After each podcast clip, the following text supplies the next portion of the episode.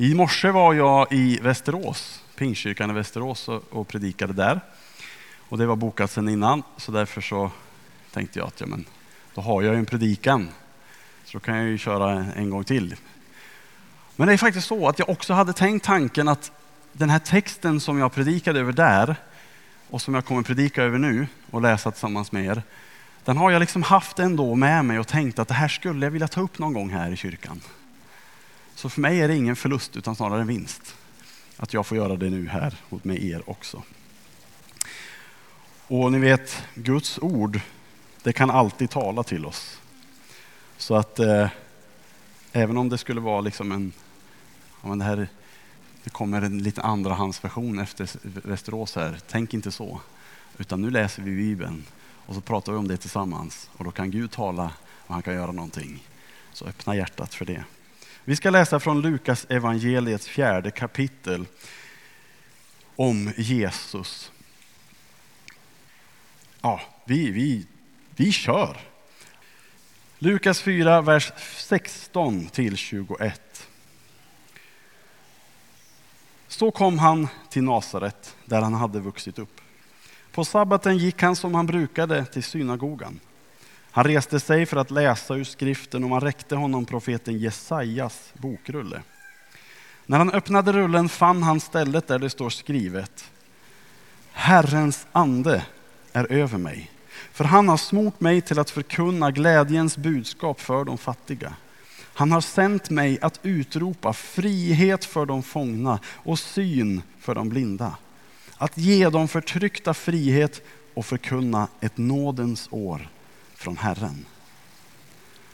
Sedan rullade han ihop bokrullen, räckte den till tjänaren och satte sig. Alla i synagogan hade sina ögon fästa på honom. Då började han tala till dem.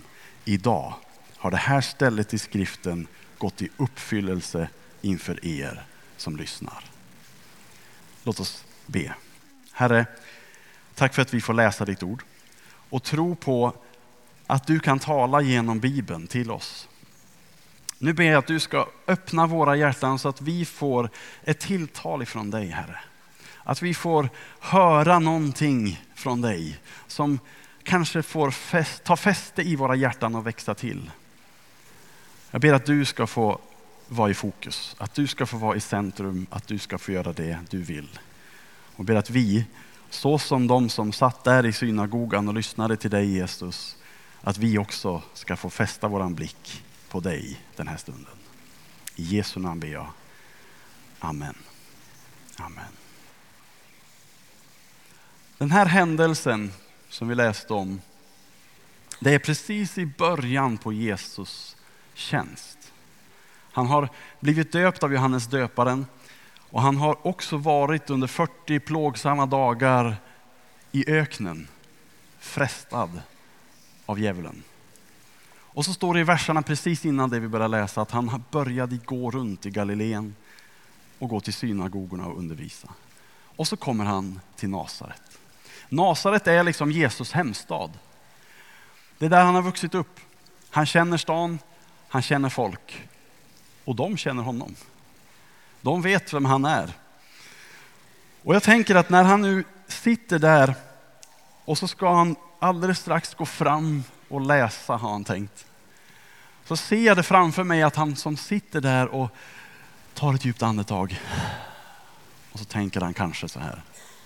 Nu gäller det. Nu är det dags. Nu har jag väntat men nu är det min tid. Nu ska jag gå fram och så ska jag berätta för dem att jag inte bara är snickarens son. Utan jag är son till någon helt annan. Någon mycket större. Inte vem som helst, utan sonen. Människosonen själv. Jag tänker mig att han tänker så. Vet inte om han gjorde det, men kanske. Jesus kliver fram till platsen där man läser skriften. Och så får han Jesajas bokrulle.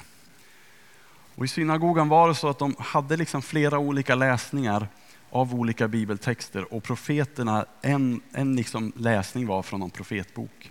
Och jag vet inte, vi vet inte säkert om det var så att han fick den här texten given till sig, att de hade en ordning. Eh, typ som kyrkoåret, att man har texter liksom för en viss sabbat. Det vet vi inte riktigt. Det kan vara så. Eller så var det bara att det var den som kom upp. Men oavsett så var det precis den han skulle läsa. Och det, texten är hämtad från Jesaja kapitel 61, ett av de sista kapitlen i boken. Och det vi vet är att Jesaja är skriven ungefär 700 år före den här händelsen. Och I Västerås idag frågade jag, är det någon som har läst en bok från 1300-talet någon gång? Jag såg ingen hand. Är det någon här som har läst någon bok från 1300-talet? Inte någon som vet om något sånt. Det är ingen som vågar säga, för då, så här, vilken var det? Och så måste man berätta det. Har du en recension? Nej. 700 år, det är ganska lång tid om man tänker till 1300-talet tillbaka, eller hur? Då känns det ganska länge. Och Jesus han läser de här orden som Jesaja formulerat som vi tror att Gud på något sätt har lagt hos honom och så ger han dem en ny innebörd. Han kopplar dem till sig själv. Det här Jesaja-texten är en av alla profetiska texter i Gamla Testamentet som pekar på att det kommer någon. Kommer någon med stort N. Den uttrycker inte uttryckligen Messias kommer, men den pekar på Messias. Det är en sån text som talar om en räddare som ska komma, frälsa folket, rädda folket. Och jag tänker att de, de flesta som sitter där i synagogan och hör Jesus, de känner förmodligen till den här texten, de har hört den förut. Och om vi skulle, tänkte inte vi skulle göra det, men om du skulle läsa själva kapitel 61 i Jesaja, så skulle du se att det talar om det här nådens år från Herren. Och så precis efter så kommer ett annat uttryck och det är hämndens dag från Herren.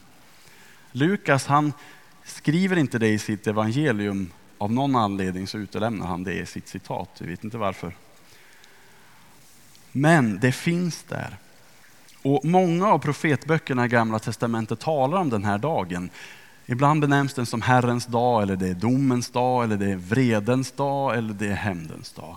Och för oss kan det ju känna lite sådär, liksom, Herrens dag och det ska vara dom och vrede. Men Herrens dag är ingenting som profeterna, eller Gud genom profeterna vill skrämma folket med. Utan det är snarare så att de, de vill peka på, eller Gud vill peka på, att en dag så ska jag göra slut på dem som förtrycker.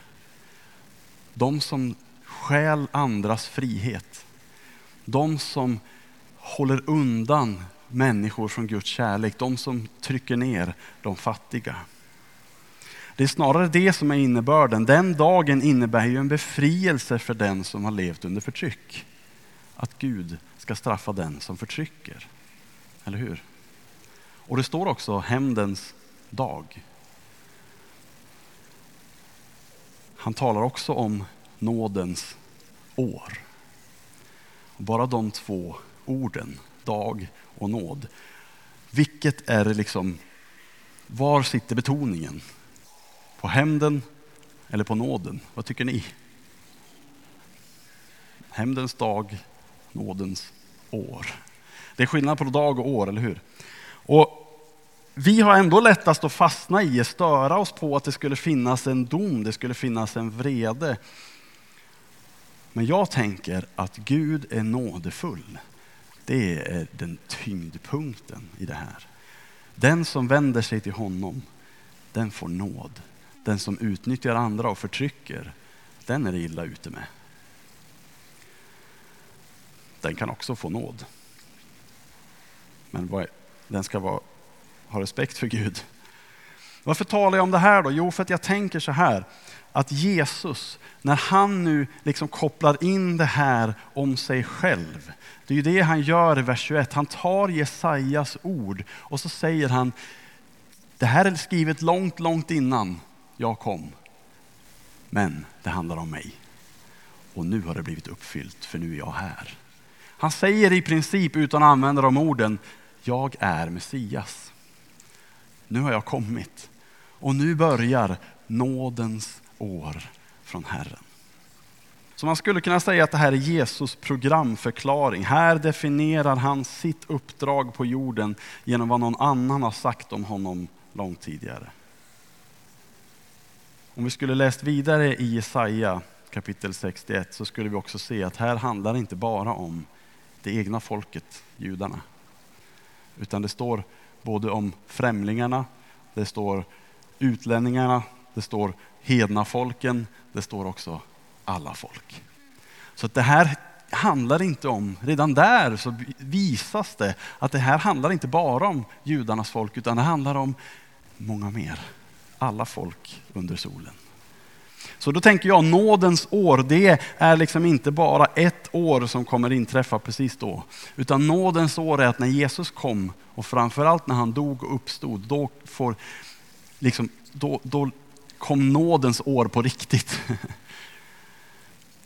Och det är inte bara ett år utan det är en period som pågår ända tills Jesus kommer tillbaka. Det är ett år som är utsträckt över tid. Och nådens år är också utsträckt över rum, över jorden. Vi ser det, vi lever i det i Katrineholm, i Sverige. Det var inte bara på en plats, i ett sammanhang, utan det är för oss alla. Jesus, han ska, säger själv att han ska förkunna glädjens budskap för de fattiga. Det är ju evangeliet som vi benämner det. Att utropa frihet för de fångna och syn för de blinda. Frihet för de förtryckta. Och han ska förkunna ett nådens år från Herren. Befrielse och nåd. Det är glädjens budskap. När vi läser vidare i evangelierna om Jesu liv så ser vi att de här orden som Jesaja sa och att Jesus själv sa det här uppfylls nu genom mig. Det var inte för stora ord. Han lever. Precis det han sa att han skulle göra. Han befriar människor ur förtryck. Han helar den som är blind.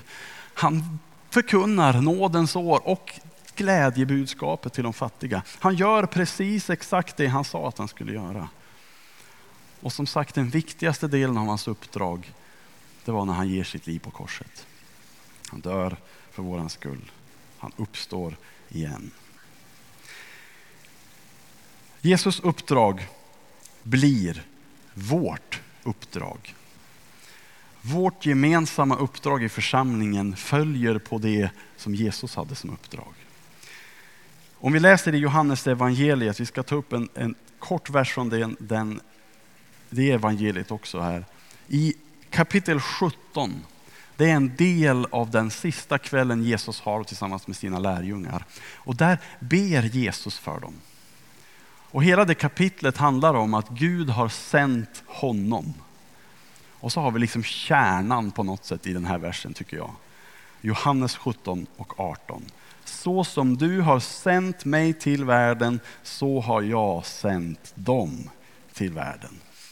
Så här har vi liksom att Jesus är ju sänd från Fadern och nu sänder han sina lärjungar ut i världen. Så sänder Jesus oss. Alltså de lärjungarna som gått med honom de här åren var beredda på och redo för att nu är ni redo för att gå ut. Och så har det spritt sig över världen och nu gäller det dig och mig. Att han sänder dig och mig ut i det som han hade som uppdrag. Och Kyrkans uppdrag blir alltså därför ditt och mitt uppdrag. Temat som jag hade i förmiddags var just kyrkans uppdrag.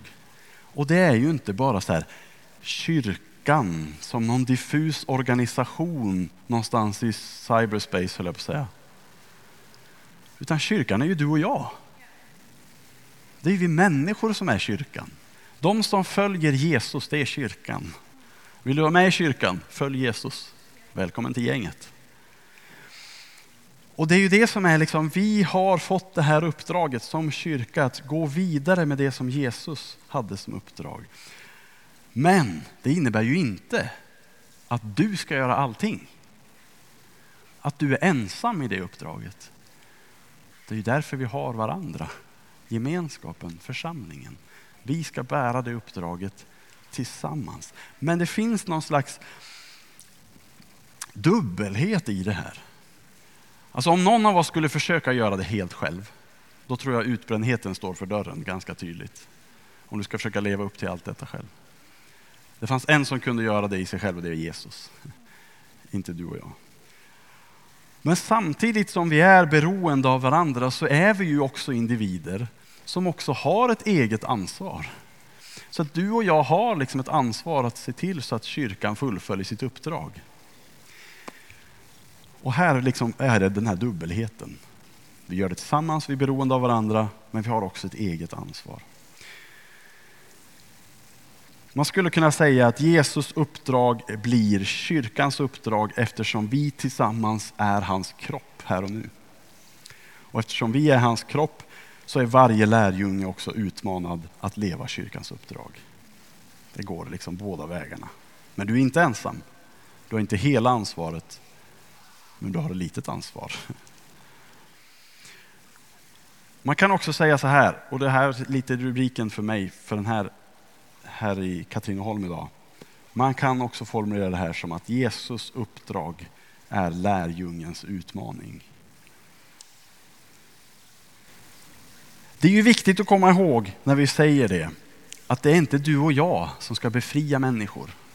Du och jag kan inte ge någon nåd. Det är bara Jesus som kan göra det. Det är han som befriar. Men vad du och jag kan göra är att bjuda in människor till ett möte med Gud som blir befriande. Vi kan be för en människa att den ska få bli befriad, få uppleva Guds nåd. Det kan du och jag göra. Och Det är inte så heller att du är liksom tvungen att göra det här. Du måste inte. Ingen press egentligen. Men du är inbjuden att göra det. Du och jag är inbjudna att ta del av Jesus uppdrag och ge det vidare till människor i vår värld. Det är en inbjudan. Du får vara med. Tänk att få sitta med en människa och bjuda in den till ett möte med Gud och be för den personen och så får den uppleva befrielse. Så stort. Eller hur? Att få se och vara med när Gud befriar en människa. Finns det något större? När Jesus har dött och uppstått, han gett sitt liv på korset och han har uppstått igen, så, så möter han lärjungarna vid några tillfällen. Och vi kan läsa om det bland annat i Matteus evangeliet, sista kapitel, Matteus 28. Och det vore någon slags tjänstefel om man pratar om Jesu uppdrag och lärjungarnas uppdrag och inte läsa den här texten tror jag. Så därför så gör jag det. Matteus 28, vers 16 20. Så står det så här. De elva lärjungarna gick till Galileen, till det berg dit Jesus hade befallt dem att gå. När de fick se honom tillbad de honom, men några tvivlade. Då trädde Jesus fram och talade till dem och sa, åt mig har getts all makt i himlen och på jorden. Gå därför ut och gör alla folk till lärjungar. Döp dem i Faderns och Sonens och den heliga Andes namn och lär dem att hålla allt som jag befallt er. Och se, jag är med er alla dagar till tidens slut. Jesus han gav sig själv egentligen en tydlig uppdragsbeskrivning när han tolkade in Jesaja 61 till sitt eget liv. Och här så ger han en slags kompletterande uppdragsbeskrivning till sina lärjungar. Det är som, jag skulle vilja uttrycka som att det är omfamnat av löften. Det är en befallning, en uppmaning som är omfamnad av löften. Jag har all makt. Jag är med er alla dagar till tidens slut. Ni är aldrig ensamma. Men så står det, gå ut. Gör folk till lärjungar. Döp dem när de kommer till tro. Lär dem att hålla det som jag har befallt er. Och det är det där som är lärjungens utmaning. Att vi ska också göra andra till lärjungar. Lärjungarna, de här elva, när de kommer fram till det här tillfället i Matteus 28, då har de ju levt med Jesus ett bra tag. De har sett att det är på riktigt, han är verkligen Messias. Han är den han har sagt sig vara. Han visade genom sitt liv att han gör det som han säger att han skulle göra.